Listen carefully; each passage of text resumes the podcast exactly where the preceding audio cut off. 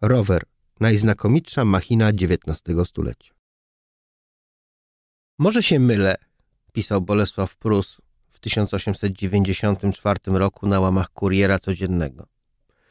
Niemniej jednak kto przekona, będę nadal sądził, że rower jest jedną z najznakomitszych machin wieku XIX.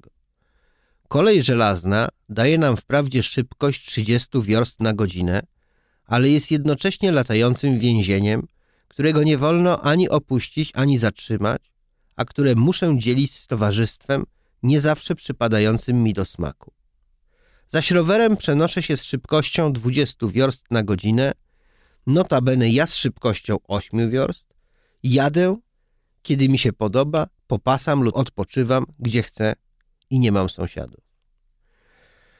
Rzeczywiście rower był jedną z najznakomitszych machin XIX wieku, służącą do przenoszenia się z punktu A do punktu B. Było to też narzędzie oswajania miejskiej przestrzeni. Dotąd bowiem, ze względów praktycznych, robotnicy mieszkali blisko fabryk i generalnie starano się pokonywać stosunkowo niewielkie przestrzenie. Rower, urządzenie stosunkowo tanie, pozwalał się przemieszczać na większe odległości. Tak zwany bezpieczny rower, a więc taki jak obecnie używany, skonstruowany został w roku 1885. O ile poprzednie wersje roweru, bicykle, welocypedy były ryzykowne dla osób je dosiadających, o tyle rower bezpieczny mógł być już używany powszechnie.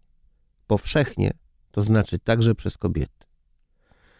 Niełatwo jest pedałować nawet na rowerze bezpiecznym, w stroju typowym dla XIX wieku. I tak oto rower jest jedną z najznakomitszych machin XIX wieku, nie tylko dlatego, że służy do szybszego przenoszenia się na dalsze odległości, ale rower jest też urządzeniem demokratyzującym modę kobiecą.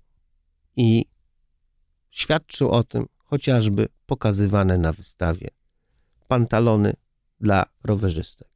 Coś takiego kobieta w spodniach.